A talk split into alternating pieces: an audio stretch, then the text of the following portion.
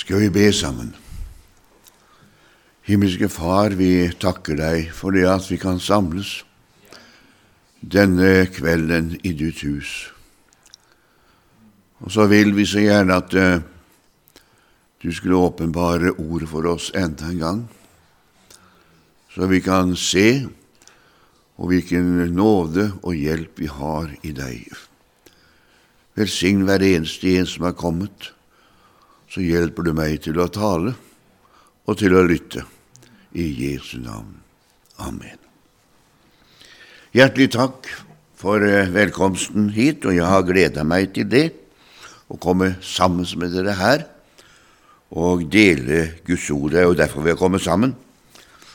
Og Jeg sa det til Harry at uh, dette er jo et fantastisk høstvær som uh, vi har ikke så stort annet å gjøre enn å gå på møte. Så her Så det er veldig flott. Så høsten, den samler oss på denne måten. Jeg skal i både denne timen og den neste tale om Åndens gaver og hjelp. Vi lever i en underlig tid. For oss som frelste mennesker bør det ikke være underlig. Og han har sagt det på forhånd hvorledes det kommer til å bli i den siste tid som vi lever i. Og Derfor så skal det egentlig ikke overraske oss, men det gjør det allikevel. For eh, alt kommer så raskt på, og det gjør at vi trenger litt hjelp i denne tiden. Og eh, jeg har lyst til å tale litt om eh, de nådegaver Gud har gitt oss til å hjelpe for å leve i den tiden som vi lever i som kristne mennesker. Den første timen skal jeg tale litt om de naturlige nådegaver som du og jeg har fått, og som vi innehar, og som også er med og hjelper oss i gudslivet. Neste time skal jeg tale om de overåndelige nådegaver som Gud gir oss for å få enda mer ressurser inn i de nådegaver som er naturlige for oss, slik at vi kan få dem i dobbelt mål, slik at vi kan få enda mer hjelp til å leve for Jesus i den tiden som vi lever i, og som vi kommer til å møte om Herren drøye.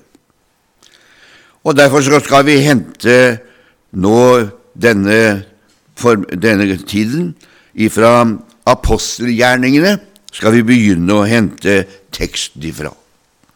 Apostelgjerningene. Det er Jesus som eh, avslutter sitt jordiske liv. Han vender tilbake igjen til sin far i himmelen, og eh, kommer ikke tilbake igjen til jorden på samme måte for å leve. Han har levd jordelivet, og nå lever han det himmelske livet. Og ifra den himmel som han eh, nå bor i, så sitter han og følger med på alt det hans brud gjør på jorden.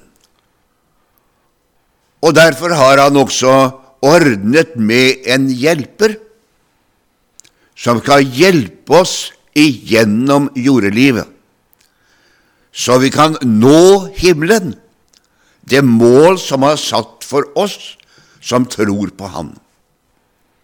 Og derfor passer Han på oss. Og derfor sier Han også til sine disipler, det er til gagn for dere at jeg går bort. Er det ikke herlig, da? Det skjønte ikke disiplen heller, kanskje ikke vi heller. Men det er til gang for oss at han gikk hjem. For eh, når han gikk hjem, så skulle han sende en annen talsmann, som skal være hos dere hele tiden, og hjelpe dere og minne dere for at vi blir litt hukommelsesløse. Og derfor trenger vi å bli minnet. Og han minner dere om alle ting som Jesus har sagt og Jesus har gjort, slik at vi som mennesker skal få altså en påminnelse hele tiden gjennom livet over at Han er trofast i dag som han var i går. Kan vi klare å få det inn, at han er trofast? Det gjør nemlig at vi får hjelp i også tunge stunder, som vel som i lyse stunder. Så får vi hjelp også når det er vanskelige stunder. Og så minner han på oss igjennom de vanskelige stundene at eh, husk hva jeg gjorde forrige gang, da, når du var i disse vanskelige stundene. Og så minner han på jeg er trofast hele tiden, og jeg er der for din skyld. Er det ikke fantastisk? Og da leser vi hva han sier når han reiser herifra. Det er noe av det siste Jesus sier når han reiser herifra denne jorden tilbake igjen til himmelen. Og Da finner vi det i apostelgjerningenes første kapittel, og vi finner det nemlig i det femte og det Nei, i det åttende verset finner vi dette. Det er disiplene som spør med en eneste gang, for de er interessert. Men de er interessert i det jordiske. For eh, de var lovet et jordisk rike. Det har Gud skrevet om gjennom denne boka i flere tusen år, at det var lovet et jordisk rike. Og de tenkte med seg selv flere ganger under Jesu liv på jorden at nå kommer det jordiske riket. Sånn tenkte disiplene. Og når Jesus red til og med inn i Jerusalem på denne aseninnens fole, så tenkte han nå begynner det jordiske riket. Men det gjorde ikke det. Det var ikke tiden for det ennå. Når Jesus reiste tilbake igjen, så spør dem når, når, når kommer det jordiske riket, da? Når kommer det? De hadde allerede ikke forstått det, at de skulle starte en verdensomspennende evangelisering. Det er fantastisk. Tolv mennesker, 120 mennesker, som sitter på den øvre salen, skal være med på å starte en verdenomspennende evangelisering, som du og jeg har fått del i. Og disse menneskene, redde som de var, disse menneskene satt på øvre salen, låste dørene, livredde for alle som var omkring dem. For de tenkte med seg selv går det sånn med mesteren, da kan det gå sånn med oss òg. Da er det at Jesus sier til dem, før han reiser, i vers 8, Men dere skal få kraft i Den hellige ånd kommer over dere, og dere skal være mine vitner, både i Jerusalem, i hele Judea, Samaria og like til jordens ende. For en beskjed! Er du glad for den beskjeden? Ja, jeg er glad for den. Fordi at hadde ikke han gitt den beskjed, har ikke du sittet her. Og ikke jeg heller men fordi at han sa det skal ikke stoppe Jerusalem, det skal ikke stoppe verken i Judea eller Samaria, men det skal nå like til jordens ende, også her inn i Ålesund og oppe rundt omkring. Er det ikke fantastisk? Og du og jeg, vi har fått del i dette fantastiske evangeliumet. Og vi har blitt en del av dette og får lov til å være med og formidle det videre til andre mennesker som vi møter på denne jorden. Men for å klare det, så har, sa han det at dere skal få kraft. I Den hellige ånd kommer det over dere. Og da skal det være mine vitner. Den hellige ånd er fenomenal. Den bor først og fremst ved troen i ditt hjerte. Men i ettermiddag senere skal vi se hvordan han vil utvide den. Han vil utvide det i ditt indre. Det var en som sa det til meg en gang, på denne måten. Når jeg ble frelst, så så jeg frelsen, og var takknemlig for den. Og da levde jeg i den nåde som Jesus har gitt for meg på Golgata. Men så ble jeg døpt i Den hellige ånd og ild. Da så jeg Bibelen, sa han. Er det ikke herlig, da? Da så jeg Bibelen. Så bare sa han lese Gamle testamentet om Bilam, denne, denne spåmannen som prøvde å lure Israel. Da så jeg Bibelen. Og hva så jeg da? Da så jeg at Jesus fantes i Det gamle testamentet på hver eneste blad.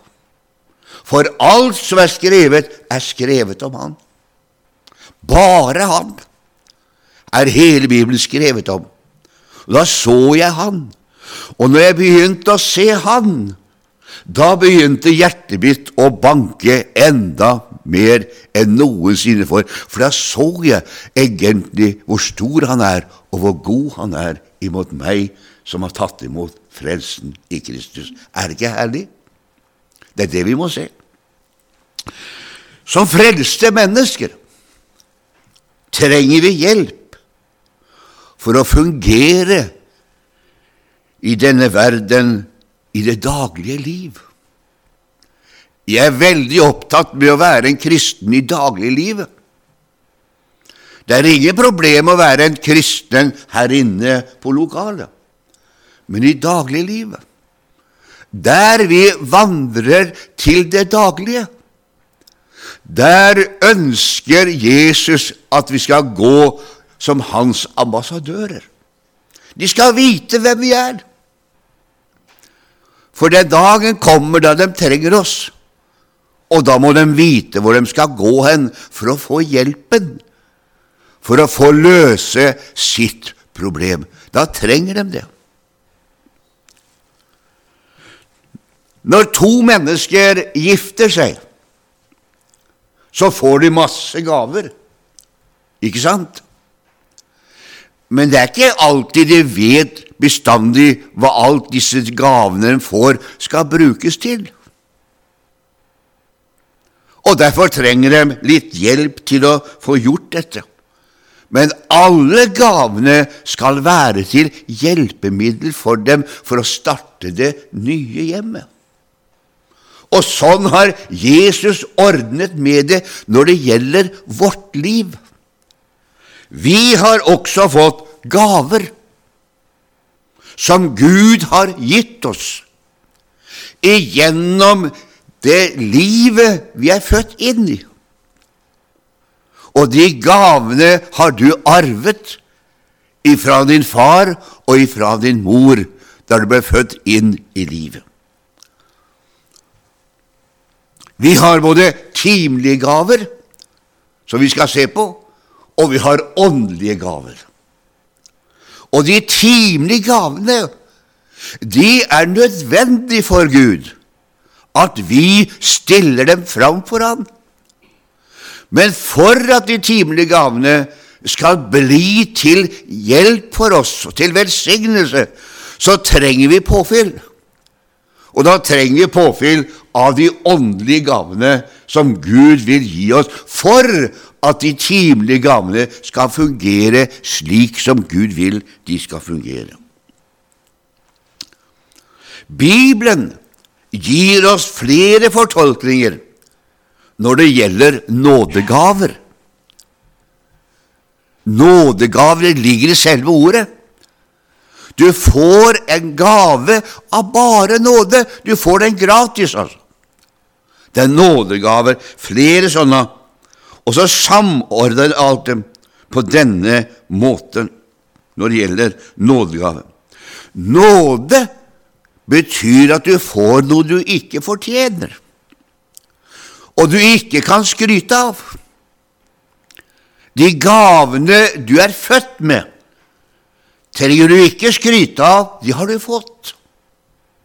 Men det er bare spørsmål hvordan anvender du disse gavene?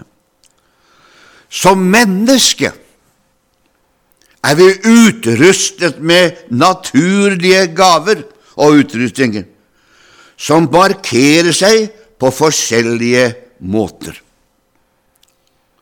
Paulus han sier det sånn om seg selv. Jeg skulle ønske at alle var som meg, jeg, sa han. Men hver har sin nådegave av Gud. Den ene så, og den andre så. Og hvordan var det med Paulus? Jo, han var ungkar. Han var alene. Han hadde fått en nådegave til å være alene. Det er også en nådegave. Og hva brukte han den nådegaven til? Jo, han brukte den i fulltidstjeneste for Jesus. Og hadde ingen hindringer på noen måte. Men alle skulle ikke være slik. I ordspråksboken så står det at den som har funnet en hustru, har funnet lykken og fått en nådegave ifra Gud. Kan du tenke deg noe sånt fantastisk? Altså, det står ikke sånn om mannen. Men det står sånn om hustruen. Er ikke fenomenalt? Funnet lykken og fått en nådegave av Gud. Så må vi ta vare på den, da. Når Peter skriver sitt brev, så sier han om nådegaver som vi alle har fått. Og eh, i 1. Peter kapittel 4 skal vi se litt på den. 1. Peter kapittel 4, fra, fra vers 10, så sier han ettersom enhver har fått en nådegave, så tjener andre med det gode husholdere over Guds mangfoldige nåde. Om noen taler, han taler som Guds ånd. Om noen tjener, han tjener ved den kraft som Gud gir, for at Gud må bli æret i alle ting ved Jesus Kristus, Han som æren og makten tilhører i all evighet. Det er også en nådegave som vi som mennesker har fått, som er naturlig. Noen mennesker har fått en nådegave av å møte andre mennesker og se dem. Andre går bare forbi, men det er en nådegave ifra Gud. Så har vi den nådegave som er gitt oss i Kristus Jesus, den frelsende nådegave, som Paulus taler om i Romerbrevet 5, 15. Der taler han nemlig om frelsens nådegave. Det er også nådegave vi har fått av Gud. Så frelse er ikke noe som vi kan rose oss av at vi fant på. Det er noe som Gud har gitt oss igjennom Sønnen Jesus Kristus. Er ikke fantastisk? Syndens fordømmelse, men så kommer nådegaven om frifinnelse i Jesus Kristus. Og så gjør han det på denne måten så taler Guds ord om en nådegave som Herren utruster oss, som er utenfor oss selv. Og det er den profetiske nådegave som vi har for å tjene Gud, slik at vi kan gjøre Hans vilje igjennom livet.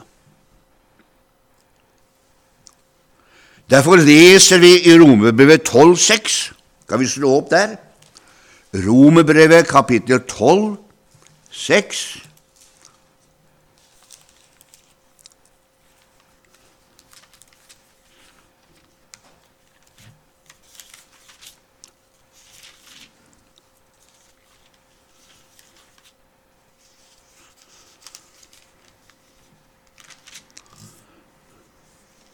så sier han det på denne måten.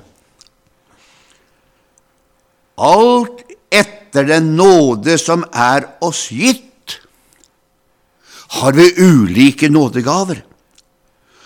Om noen har profetisk gave, han skal bruke dem i samsvar med troen. La den som har en tjeneste, ha vare på tjenesten. Den som er lærer, må ta vare på lærdommen. Den som formaner på formaningen. Den som deler ut gaver, må gjøre det med redelig sinn. Den som er forstander, skal være det med iver. Den som øver barmhjertighet, må gjøre det med glede. Det er nådegaver som ligger lanternt i oss mennesker, som Gud ønsker å anvende på sin egen underbare måte.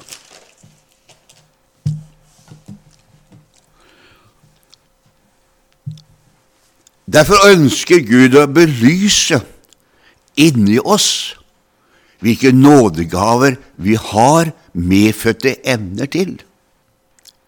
For Gud vil bruke dem. Han vil bruke dem på en slik en fantastisk måte at du og jeg kan få bruke våre naturlige gaver til å fremme Guds rike på jorden. Noen har fått en nådegave ifra Gud til å synge. Og er det ikke fantastisk å høre på mennesker som Gud har salvet igjennom sangen? Sangen har frelst masse mennesker på denne jorden. For sangen har ingen fiende. Men når mennesker synger fordi at de har fått denne gaven, og Gud igjen utruster dem med salvelse, da blir sangen en velsignelse å høre på for deg og meg som hører sangens velsignelse ifra vedkommende. Det er fenomenalt. Så har du dem som kan spille. Det er fantastisk. Jeg hadde en i menigheten i evangeliesalen. Han spilte fiolin. Nå kan det være at jeg likte å høre på fiolinene, da. Men det er noen ganger han tok opp fiolinen. Og så hadde vi en søster i menigheten som heter Alice, og hun var, spilte piano. Hun var fenomenal. Når hun var i åndens ledelse, så gikk disse fingra henne bort på disse agentene. Jeg har ikke hørt på maken. Og så satte han andre seg, broderen seg til Myofil, og så spilte disse to på piano og på fiolin. Og så skapte de en atmosfære. En fantastisk atmosfære som gjorde at mennesker satt fullstendig og lyttet til. Noen gråt, noen kjente gleden, de lyttet til fordi at de hadde fått en naturlig talent ifra Herren gjennom sin barnefødsel, pluss at Herren velsignet dette ved siden av. Og så blei det til frelse for mennesker som lyttet på musikken. Ei lita jente, hun var vel ikke så lita kanskje, men hun var vel en 12-13 år, denne jenta hadde lært seg å spille gitar. Og så hadde hun lært seg noen sanger. Og så satt hun en dag oppe på jenterommet sitt. Og så satt hun og øvde på sangen 'Navnet Jesus blekner aldri' på gitaren sin. Og så sang denne klare stemmen Sommer var det. Vinduet sto oppe. Og så gikk lyden av pikestemmen med gitaren ut igjennom vinduet og traff naboen på andre sida. Og naboen på andre sida var en eldre søster som lå i sengen og hadde fått en sykdom som gikk imot døden. Men hun var redd. Hun var redd. Hun visste ikke hvordan hun skulle møte den. Men så hørte hun plutselig denne klare jentestemmen som sang om navnet Jesus, som blekner aldri og tæres seg av tidens sand. Og så begynte hun å lytte. Og så lyttet hun til sangen. Det ene verset etter det andre, så lytter hun til Og etter hvert som hun gikk igjennom sangen, så begynte det å røre seg i gamle mors indre liv. Og når sangen var slutt, så hadde hun tatt imot Jesus som sin frelser. Og var ikke redd lenger for å møte evigheten. Er ikke fantastisk? Jentas naturlige talent hadde Gud velsignet på en slik måte at hun fikk bruke en sang som andre hadde laget. Fantastisk. Derfor har sangen en stor betydning, og derfor så er det så herlig å høre på folk som spiller og synger om navnet Jesus, for det skaper noe i menneskets hjerte. Har du, Bruker du det naturlige talentet ditt? Bruker du det? For Gud har gitt deg det, ikke for at du skal klare deg sjøl, men for at du skal være med å velsigne andre med det.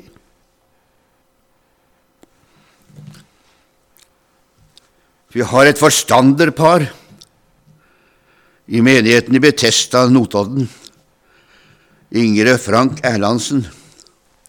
De har kommet til Notodden.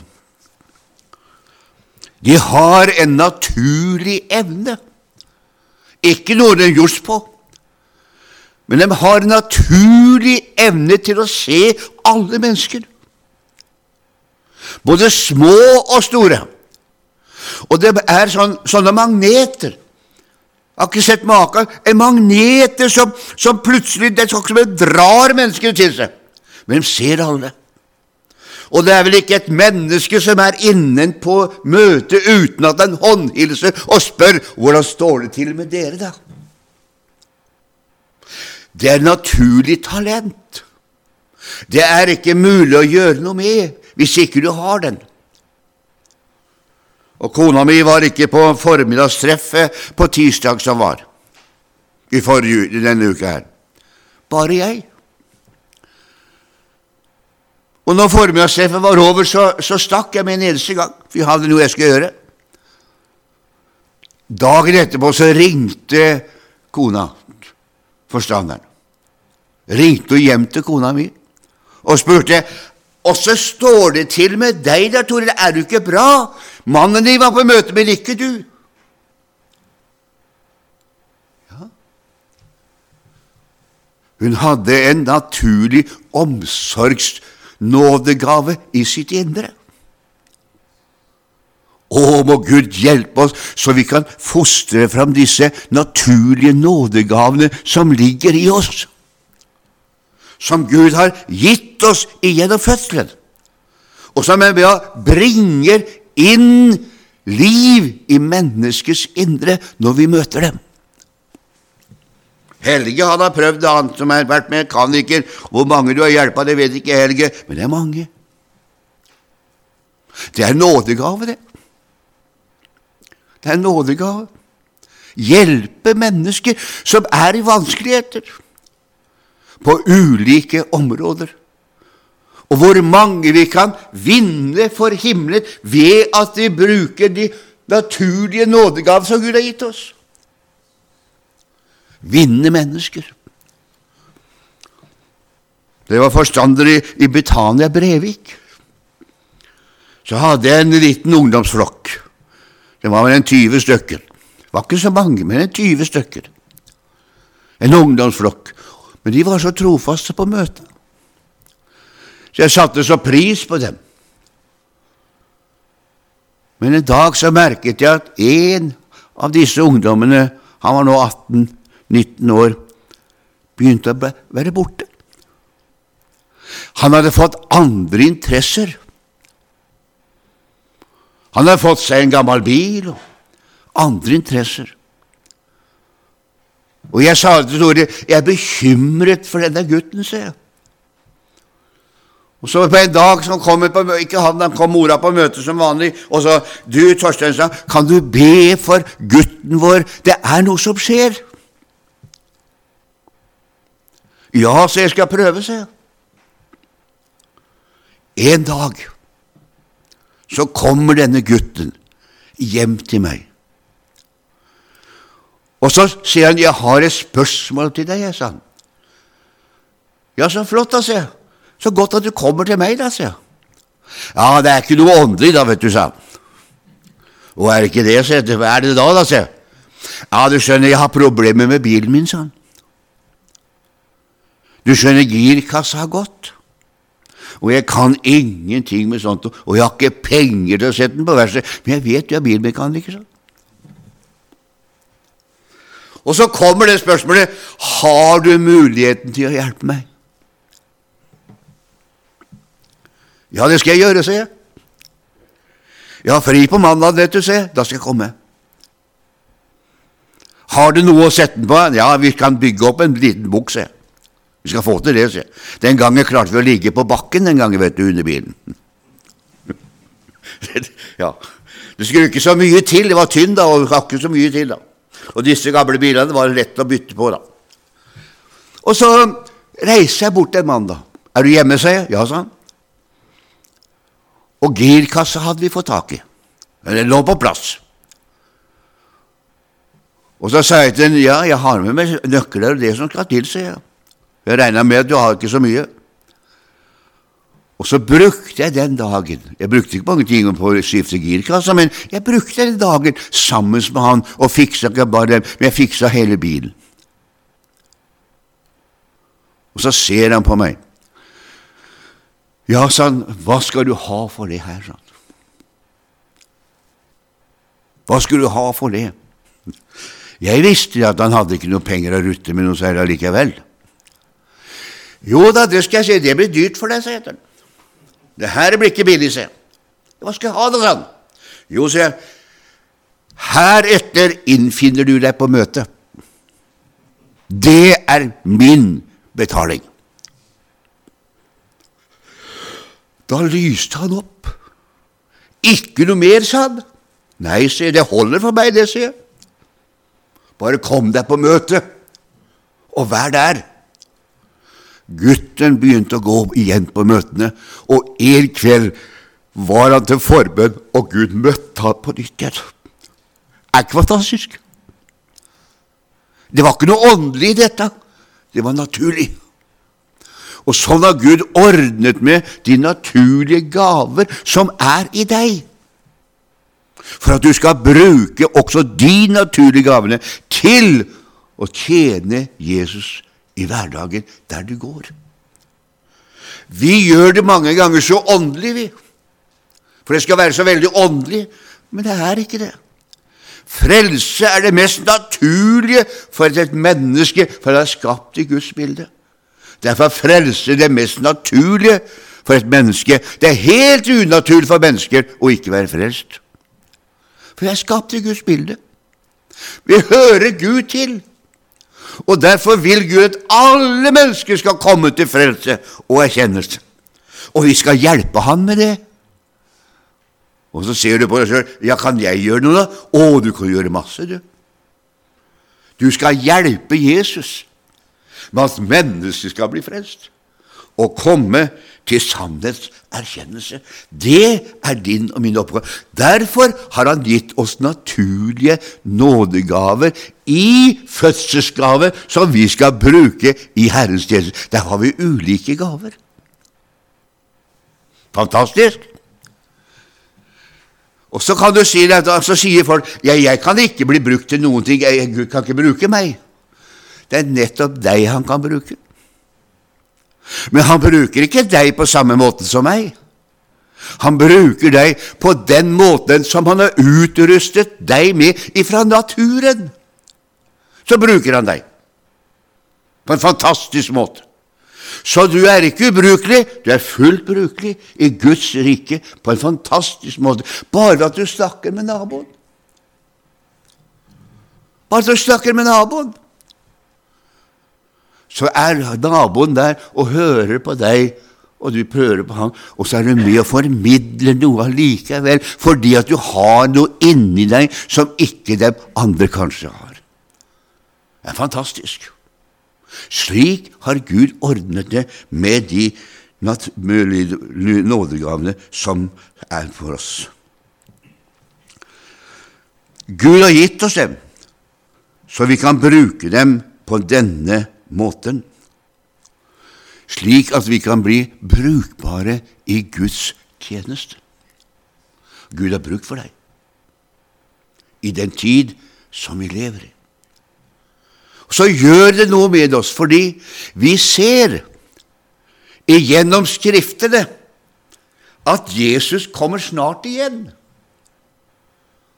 Vi ser det. Og da er det om å gjøre for oss å få med oss i hvert fall dem som er rundt omkring oss, våre egne, og få dem med oss til himmelen.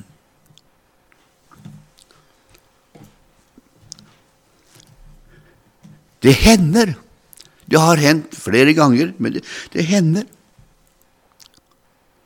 at det ble lagt inn på sykehus. Det hender. Og noen ganger så begriper jeg ikke hvorfor jeg inn skal inn igjen. Jeg skjønner ikke hvor jeg må inn igjen, men jeg må inn igjen. For det er et eller annet som gjør at jeg blir lagt inn. Av og til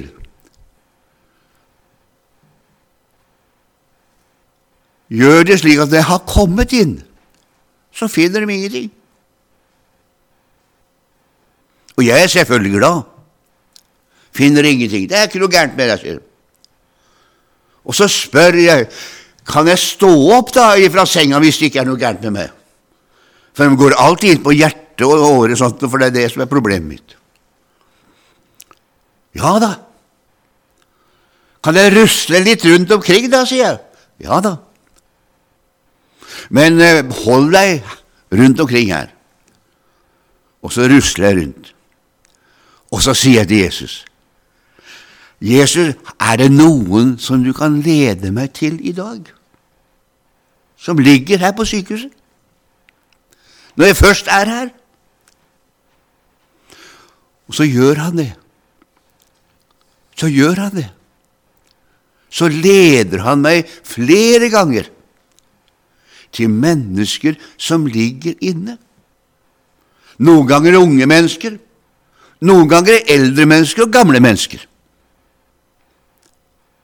Og en dag her så ledet han meg inn til en gammel mann. Han var snart 90 år. Han hadde tilhørt Indremisjonen i alle år. Men nå nå var han kommet i den situasjonen at han skulle forlate livet. Og så han har begynt å bli redd. Han hadde begynt å bli redd fordi Og jeg kan si det, må ikke, må ikke ta det bokstavelig fordi at han røyka. Han hadde røykt i all sin tid. Og så hadde han hørt av en at da går du fortapt. Da går du fortapt. Og nå var han redd. For nå kommer djevelen og sier nå går du fortapt. Nå sier ikke jeg det for at du skal begynne å røyke. Nei. For røyke skal ikke en kristen uansett. Men da går jeg fortapt, sa han. Så satt han der på sengekanten, og jeg satt i stolen ved sida, og så var han redd. Jeg går fortapt, sa han for det har han sagt. Så gjorde jeg noe jeg aldri har gjort siden. Vi har røkt i min tid, så jeg kunne det. Han, så, han hadde sånne fingre at han kunne ikke rulle, så han måtte få hjelp til å rulle tobakken. Så satt jeg på sengekanten, og så rulla jeg ti sigaretter og la oppi pakka hans. Så sier jeg 'vær så god', sier jeg. Nå har du ti stykker, sier, så du kan kose deg med, sier jeg. Så kikker han på meg. Ja, men går jeg ikke fortapt, da? Nei da, sa Frelsen ligger ikke i dette, sier jeg. Frelsen ligger dypere inn den, sier jeg. Dette hører legemet til, det, sier jeg. Ikke ånden. Det er legemet hører til, det, sier jeg. Men frelsen din ligger dypere inn, sier jeg. Og nå trenger vi ikke begynne å prate om. Det nytter ikke å prate til en mann som skal dø, om at han skal slutte. Det trenger vi ikke prate om. Så begynte jeg å prate om Jesu forsoning til ham. At Jesus har tatt på seg allting. Og etter hvert som jeg prata med henne, så lysna han opp. Og så fikk vi be sammen, han og jeg. Og så sier han når han går ut, 'Nå er jeg ikke redd lenger for å møte døden', sånn. for da vet jeg at Jesus bor ved tronen imot hjertet. Er det ikke fantastisk? Det er mange måter å møte mennesker på som ligger innenfor døden.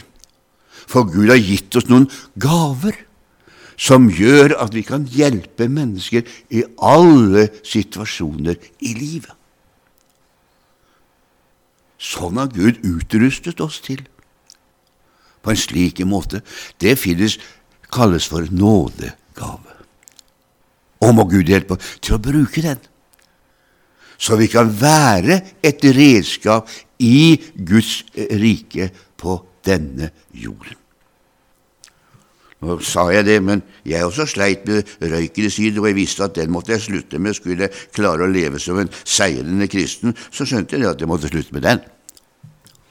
Og den slutta jeg med.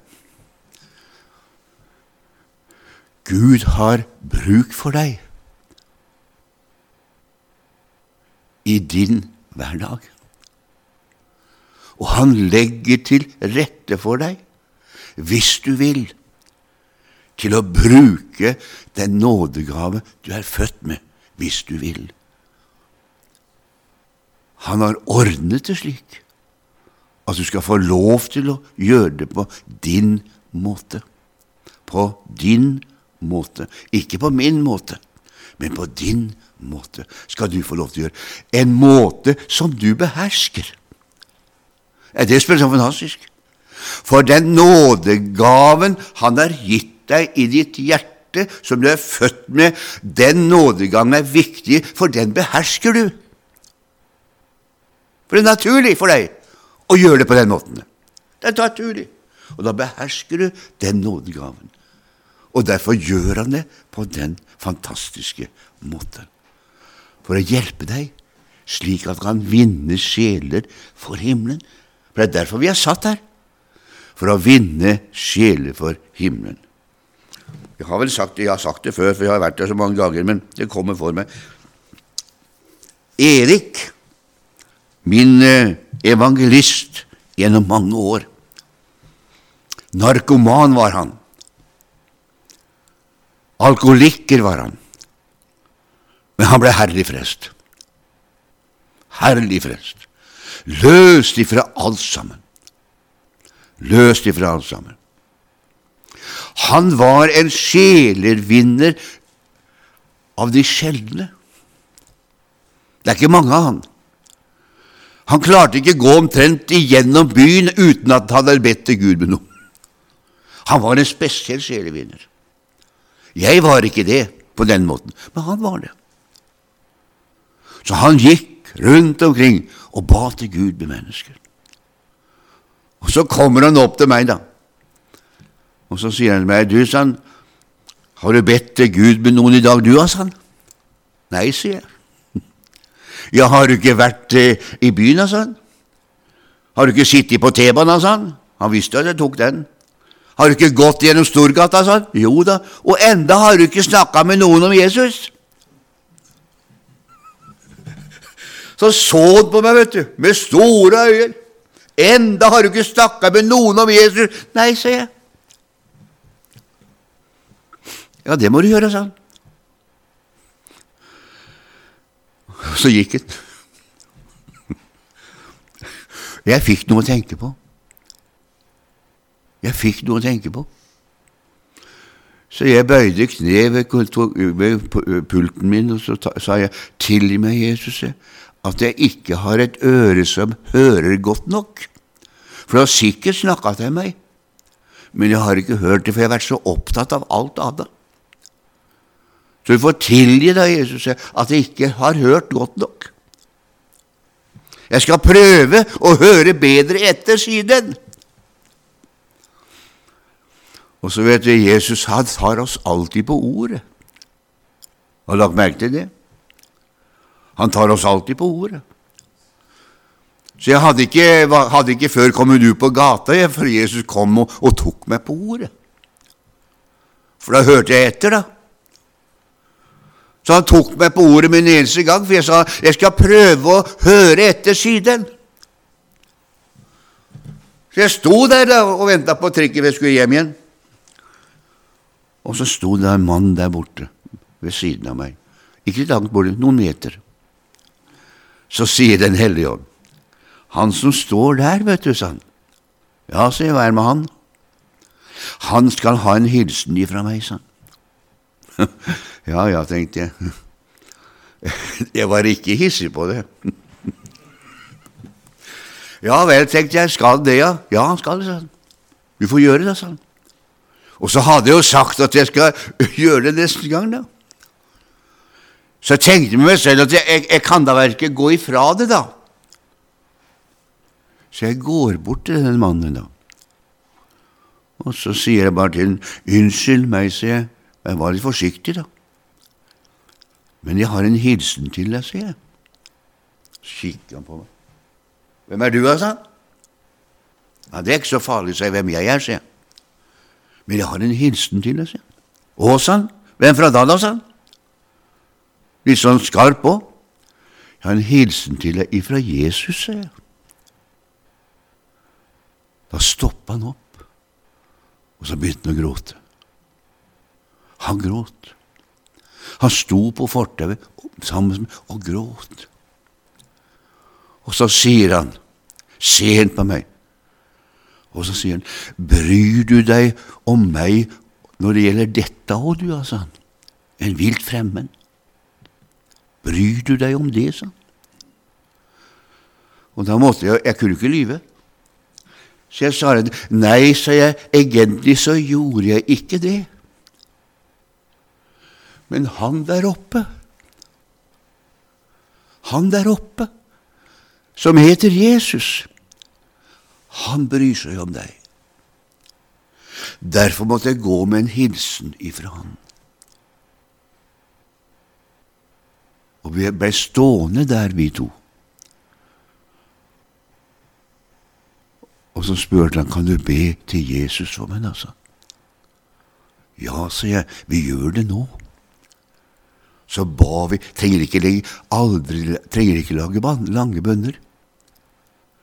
Og ba en kort bønn. Jeg lærte av Jesus. Jesus ba aldri lange bønner i offentligheten. Bare når han var aleine. Da ba han hele natta. Men offentligheten ba han korte bønner.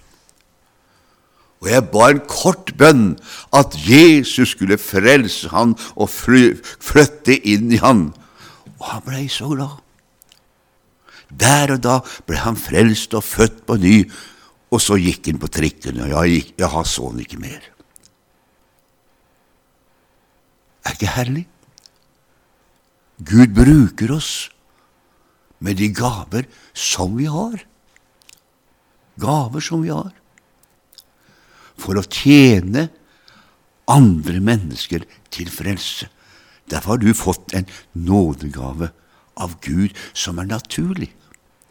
Som er naturlig.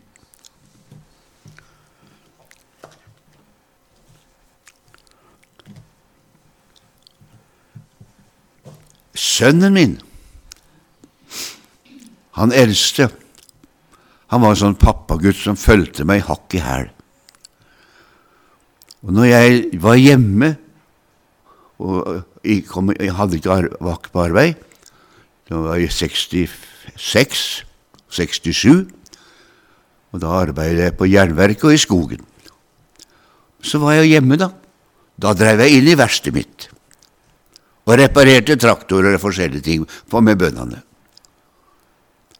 En dag så stoppa det to damer nede i veien der hvor jeg bodde. Og Leif Torstein, han så disse to, og sprang ned, vet du. Han var vel en, en ca. fem-seks år, og sprang ned. Og han var, vet du, med en gang Hva var det som var gærent? Hva er det som er gærent? Nei, den visste ikke, for bilen stoppa. Det var en folkevogn. Bilen stoppa, og den visste ikke. Og de hadde vært innom verkstedet der oppe i Vinje, og de hadde lada batteri, og nå, nå kom vi hit. Så stoppa det igjen. Og han frimodig, vet du. Bare kom opp her, pappa ordner alt, han kan alt, bare kom opp her, så fikser han det. Ja, du vet åssen gutter er. Faren kan alt. Og han kom med disse to, vet du, leia oss med disse to oppover, vet du. Karat. Pappa, du må hjelpe disse damene. Du ser bilen har stoppa, de må hjelpe dem. Du, de, kan, de må hjelpe dem. Du kan det, du, vet du. Spurte jeg hva er det som er galt, altså. Nei, jeg visste ikke. Så tenkte jeg, få dra den bilen opp, da. Tok traktoren, dro den opp ved verkstedet jeg hadde. Så dro jeg den opp, og så sier jeg til disse damene Du, gutten min, du får, bli, du får lede disse damene inn til mor, du da, så får de seg en kaffekopp, og så skal jeg se litt på dette her. Og så tenkte jeg dette blir vanskelig.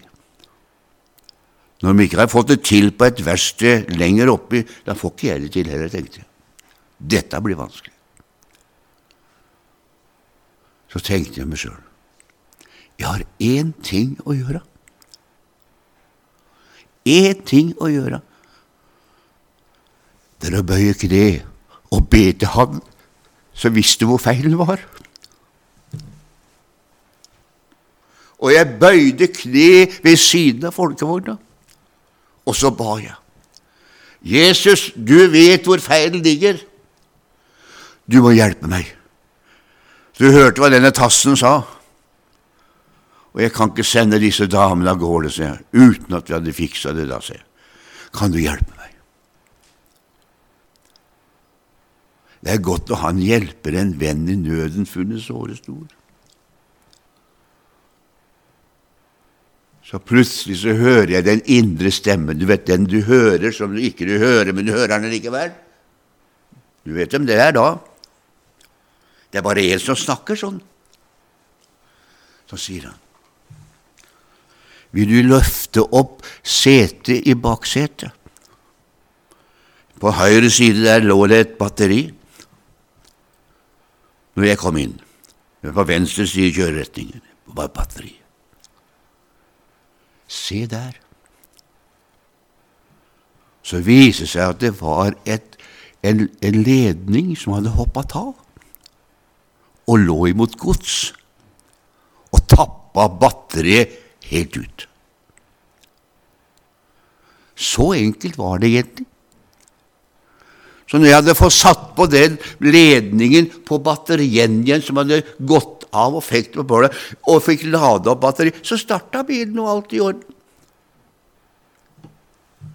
Og damene kjørte videre glade til borte. Og så sier denne tassen 'Var ikke det jeg sa, pappa?'